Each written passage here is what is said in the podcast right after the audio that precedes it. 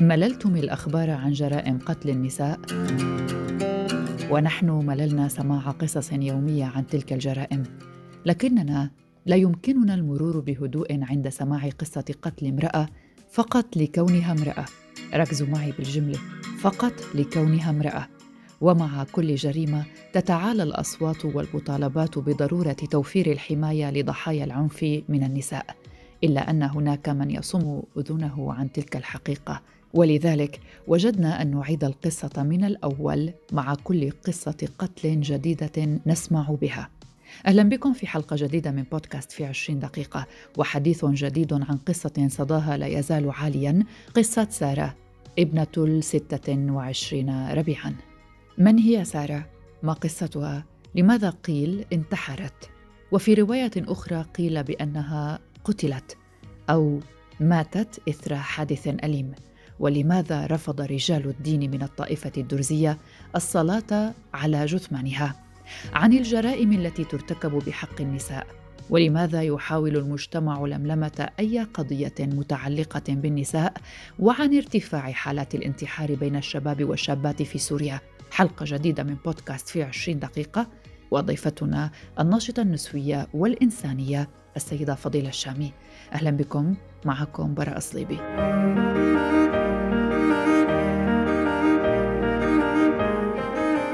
أثار خبر رفض رجال الدين في محافظة السويداء الصلاة على جثمان الشابة سارة اللحام وفق طقوس طائفة الدروز الموحدين أثار استياء واستهجان كثيرين. الشابة اللحام التي توفيت في مدينة جرمانة لم تتبين أسباب وفاتها لكن صفحات محلية في المحافظة قالت بأن سبب الوفاة هو استخدام خاطئ للسلاح فيما أشارت صفحات أخرى إلى أن الوفاة حادثة انتحار. بينما جاء في ورقة النعوة إشارة إلى أن الوفاة كانت بسبب حادث أليم لم يفسر بصريح العبارة. وما أثار حفيظة الناس هو خبر رفض رجال الدين الصلاة على جثمان الشابة سارة الأمر الذي لا يحدث عادة إلا في حال الانتحار. موقع المفكر الحر نشر نصا كتبه نبيل الملحم قال فيه البنت سارة اللحام انتحرت ولا ندري السبب قد يكون افتقاد الأمل وقد تكون قسوة الزمن وقد يكون من انكسار كتف كان يحميها أو من ألم تعانيه ولا يعرفه غيرها. ولكن الأكيد أنها غادرت مقبرة قصرا تسمى وطنا إلى مقبرة طوعا هي الغيب بما يحمل وارتحلت وقد استغنت عن فضائلكم. سألنا ضيفتنا السيدة فضيلة عن الأسباب المجتمعية والقانونية التي تؤدي إلى وقوع جرائم قتل النساء. نستمع إليها. الأسباب اللي آه، تؤدي إلى جرائم ضد النساء اولا العادات والتقاليد ثانيا القانون القوانين اللي تحمي مجرم بعدين عاداتنا وتقاليدنا السيئة هي اللي بتكرس الرجل وبتكرس الأبوية منذ الأزل. مشان هيك كثير بيقع العنف على العنصر الضعيف اللي هو النساء أو الأطفال. عنا بالقوانين السورية أو القوانين الشرق الأوسطية في غياب كامل لحماية المرأة.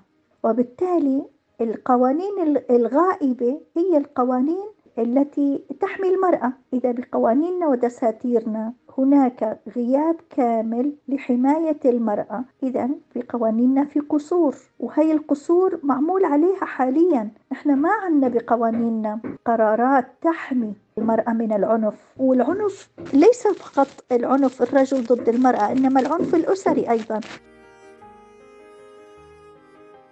إذا علينا إيجاد قانون خاص لحماية المرأة بدساتيرنا. هذه القوانين الخاصة هي أساسية وداعم لمجابهة العنف ضد المرأة بالإضافة إلى الثقافة وبنية اجتماعية بتحارب هذا العنف. هذا القانون لازم أنه يكون مدعم بكافة الآليات والإجراءات اللي تبيح الحماية للضحية ولردع الجاني. لوقفه عن الإجرام. أنا برأيي أنه اجتماعيا وقانونيا علينا أن نعمل معا من أجل إيقاف العنف ضد المرأة. تعاني المرأة في مجتمعنا من مشكلات وتحديات عديدة، أن تكوني أنثى في مجتمع شرقي أمر ليس سهلا البتة، فهو يعني غالبا أن تكون حياتك مهددة وتعيشين في ظل الرجل تحت ذريعة الخوف أو العادات أو التقاليد أو الواجبات المادية. وهذا الأمر يضع النساء تحت عبء كبير وأي شيء معيب من وجهة نظر المجتمع قد يحدث لهن. هذا يعني أن كل العائلة رجالا ونساء يتحملون تلك التبعات. كأن يقتلوا النساء لأنهن رفضن الزواج من أبناء العمومة أو أنهن رغبن بالزواج من رجال لا ترغب العائلة بهم.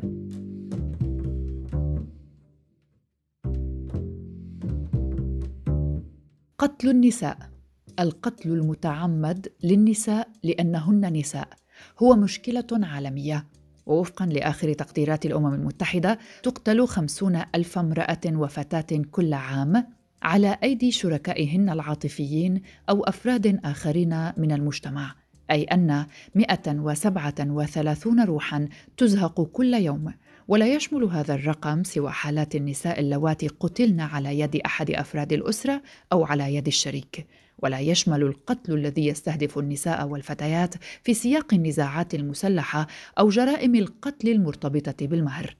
ويقول الخبراء إن هذا العدد لا يبلغ عنه بالقدر الكافي. لأن الكثير من الحكومات في العالم لا تبلغ عن قتل النساء أي أنه في العديد من المجتمعات غالبا ما يتم التعتيم على هذه القضايا. ولا أعتقد أن أحد المستمعين لم يسمع مرة على الأقل في حياته عن قصص مشابهة تم فيها التعتيم أو التكتم على قضايا متعلقة بجرائم ضد النساء. وسمعنا أن الجاني أو المجرم أفلت من العقاب لدواعي اجتماعية. ابن عمه أخوه أو حتى قريب لها. سألنا ضيفتنا السيدة فضيلة عن ذلك. لماذا يتم التكتم أو لفلفة قضايا متعلقة بالنساء من قبل المجتمع وبمساعدة القانون؟ المجتمع آه، يرفض أي عمل بتقوم فيه المرأة. فإذا المرأة وقفت حياتها فهذه تعتبر فضيحة. وسترافق أهلها أو بناتها باقي العمر. يعني ممكن هي تقدم على لأسباب ما ممكن تكون شخصية ممكن تكون نفسية ممكن تكون في عوامل كثيرة بمجتمعنا. نحن بتخلي أي إنسان يقدم على الانتحار لينتهي من المعاناة. انتحار المرأة أو القيام المرأة بأي عمل غير مقبول به اجتماعيا هي عبارة عن آه، إدانة. هاي الإدانة إذا هي ماتت رح تلحق هاي الإدانة إخواتها آه، بناتها عماتها خالاتها إلى أبد الآبدين. لذلك المجتمع بتشوفيه إنه بيساعد القانون على لفلفة القضية والتكتم عليها. طبعا أمر معروف للجميع إنه تأثير الحرب والفقر زاد من حالات العنف ضد المرأة. لكن أنا بقول إنه العنف ضد المرأة موجود في زمن السلم كمان. يعني موجود كان ببلادنا من قبل الحروب. وبالتالي نحن تنقصنا دراسات آه، كثير جذرية نسوية ومنظمات نسوية بيقوموا على أبحاث وعلى دراسات من أجل الكشف عن جذور وأسباب هاي الظاهرة. نحن بنعرف أنه ظاهرة آه، العنف ضد النساء متجذرة بعاداتنا وتقاليدنا وكمان بقوانيننا اللي بتحمي الظالم اللي بتحمي المجرم اللي هو فاعل بالعنف وكمان لا ننسى إنه الدين أيضا يساعد على تأييد وتفسير هذا الظلم. اذا الأديان تمنح القوة وتمنح الحق للذكر ضد الامرأة ضد المرأة.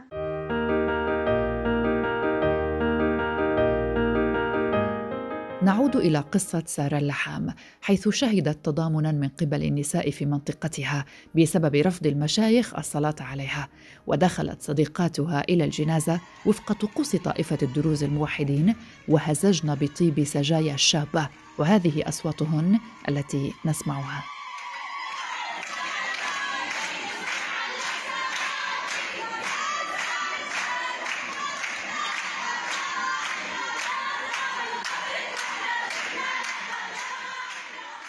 نددت الفتيات بنظرة المجتمع القاسية عندما تكون الحادثة مرتبطة بالفتاة وكذلك الموقف الديني الذي جسد بعدم الصلاة عليها.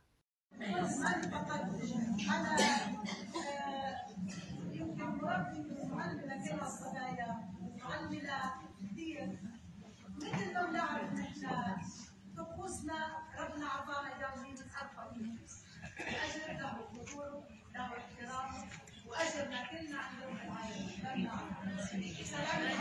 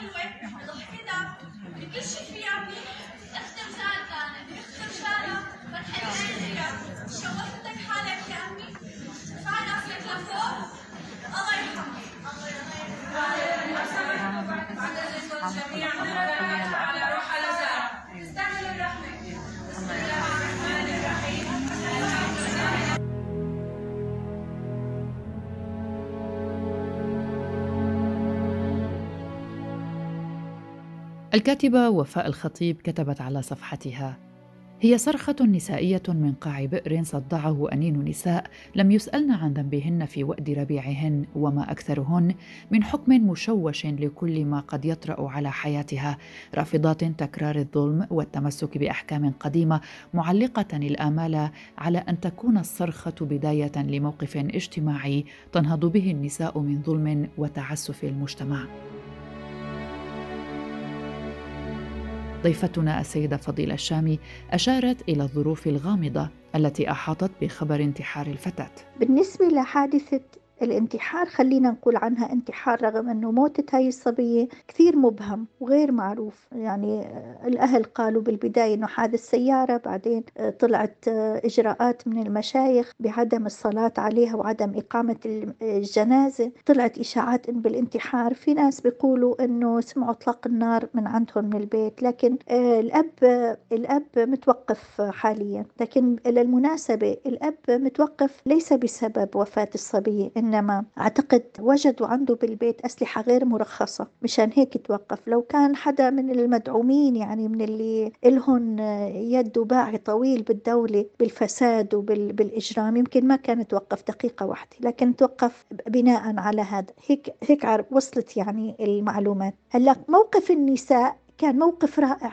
هذا اسمه الاختية بالنسوية بالمناسبة. الدعم النسوي من أجل الدفاع عن المرأة. شو من كانت سارة؟ العمل اللي قاموا فيه النساء بجرمانة عمل رائع وينرفع لهم القبعة. هيك بدل على أنه نسائنا ممكن أنه يرفضوا حتى قرارات المشايخ حتى القرارات الدينية ممكن كمان يوقفوا ضدها ويتحدوا. تلا المجلس كله كان مليان نساء أكثر من 200 امرأة في بلدة جرمانة. وهذا عمل نادر من وجوده. ما بعرف إذا عمل قاموا عليه وجهزوا له. أو كان عفوي وتجمعت النساء بيوم الأسبوع للبنت لأن الأهل أهلها للصبية أهلها لسارة دعوا لإقامة عزاء يوم الأسبوع. بتفاجئوا بالعدد اللي اجى لليوم العزاء الكل كلها كانت نساء وشكرا للمدرسة الثانوية والإعدادية بجرمانة وشكرا للمدرسات اللي رافقوا الطالبات من المدرسة إلى الموقف وعملوا عزاء رغم قرارات المشايخ. شيء بيرفع الرأس. موقف النساء المتضامنات مع قصة سارة وتفاعل السوريين على مواقع التواصل الاجتماعي ورفضهم للجرائم الموجهة ضد النساء يدل على أن النظرة المجتمعية تجاه النساء بدأت تتغير ولو بشكل طفيف، إضافة إلى أن جهود المؤسسات المعنية بالمرأة بدأت تأكل ثمارها. نستمع مرة جديدة للسيدة فضيلة. أعتقد أن وضع النساء في مجتمعنا سيتحسن لأنه الوعي عم ينتشر. أولا الوعي وسيتحسن بكل معنى الكلمة عندما نجد قانون لأنه القانون له الدور الأهم بتجريم الفعل العنيف ولما بيرفض القانون لما بينوجد قوانين ودساتير لتجريم هذا الفعل على أنه عنف وعلى أنه القائم بقتل المرأة هو مجرم وهذا عملية إجرام يقيم فيها الرجل أو أي ممكن يكون امرأة أيضا ليس فقط الرجال. هذا اسمه إجرام عندما ينوجد قانون فعلي بتجريم هذا الفعل إذا ممكن جدا نوصل لمجتمع متعافي لأن القانون هو رأس العدل وبالتالي تحسين العادات والتقاليد بالوعي والمعرفة. نعم آه، أنا شايف كثير وبشوف كثير من الصبايا من الأجيال الجديدة عندهم وعي مختلف عن باقي آه، المجتمعات اللي نحن تربينا فيها أو باقي الأجيال اللي نحن عاشرناها. عندي كثير أمل بتحسين وعندي كثير أمل بأنه نجد مجتمع متعافي عنا ببلادنا.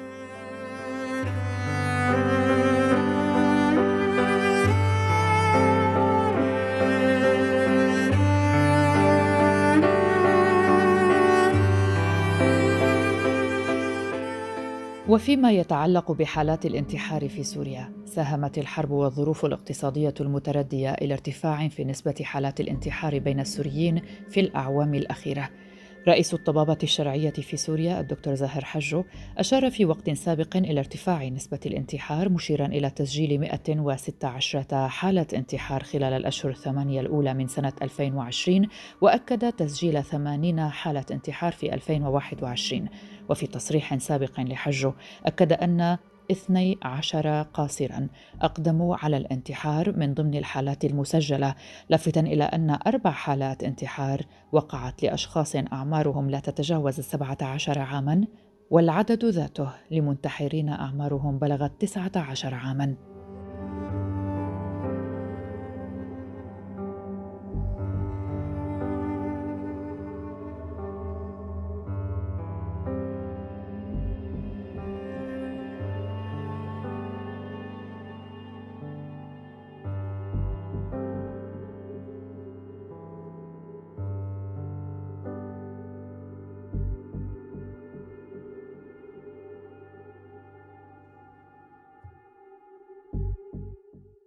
قبل أن أختم حلقة اليوم وكتنويه في نهاية الحلقة نحن في بودكاست في عشرين دقيقة ضد كل جرائم القتل التي تقع في عالمنا.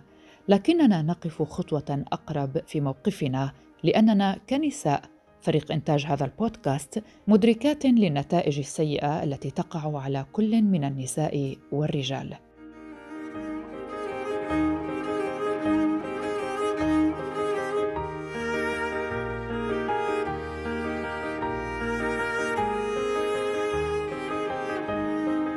انتهت حلقة اليوم. شكرا لصديقتي وزميلتي الصحفية ألاء محمد التي ساهمت في إعداد هذه الحلقة وكنت معكم براء صليبي. إلى اللقاء.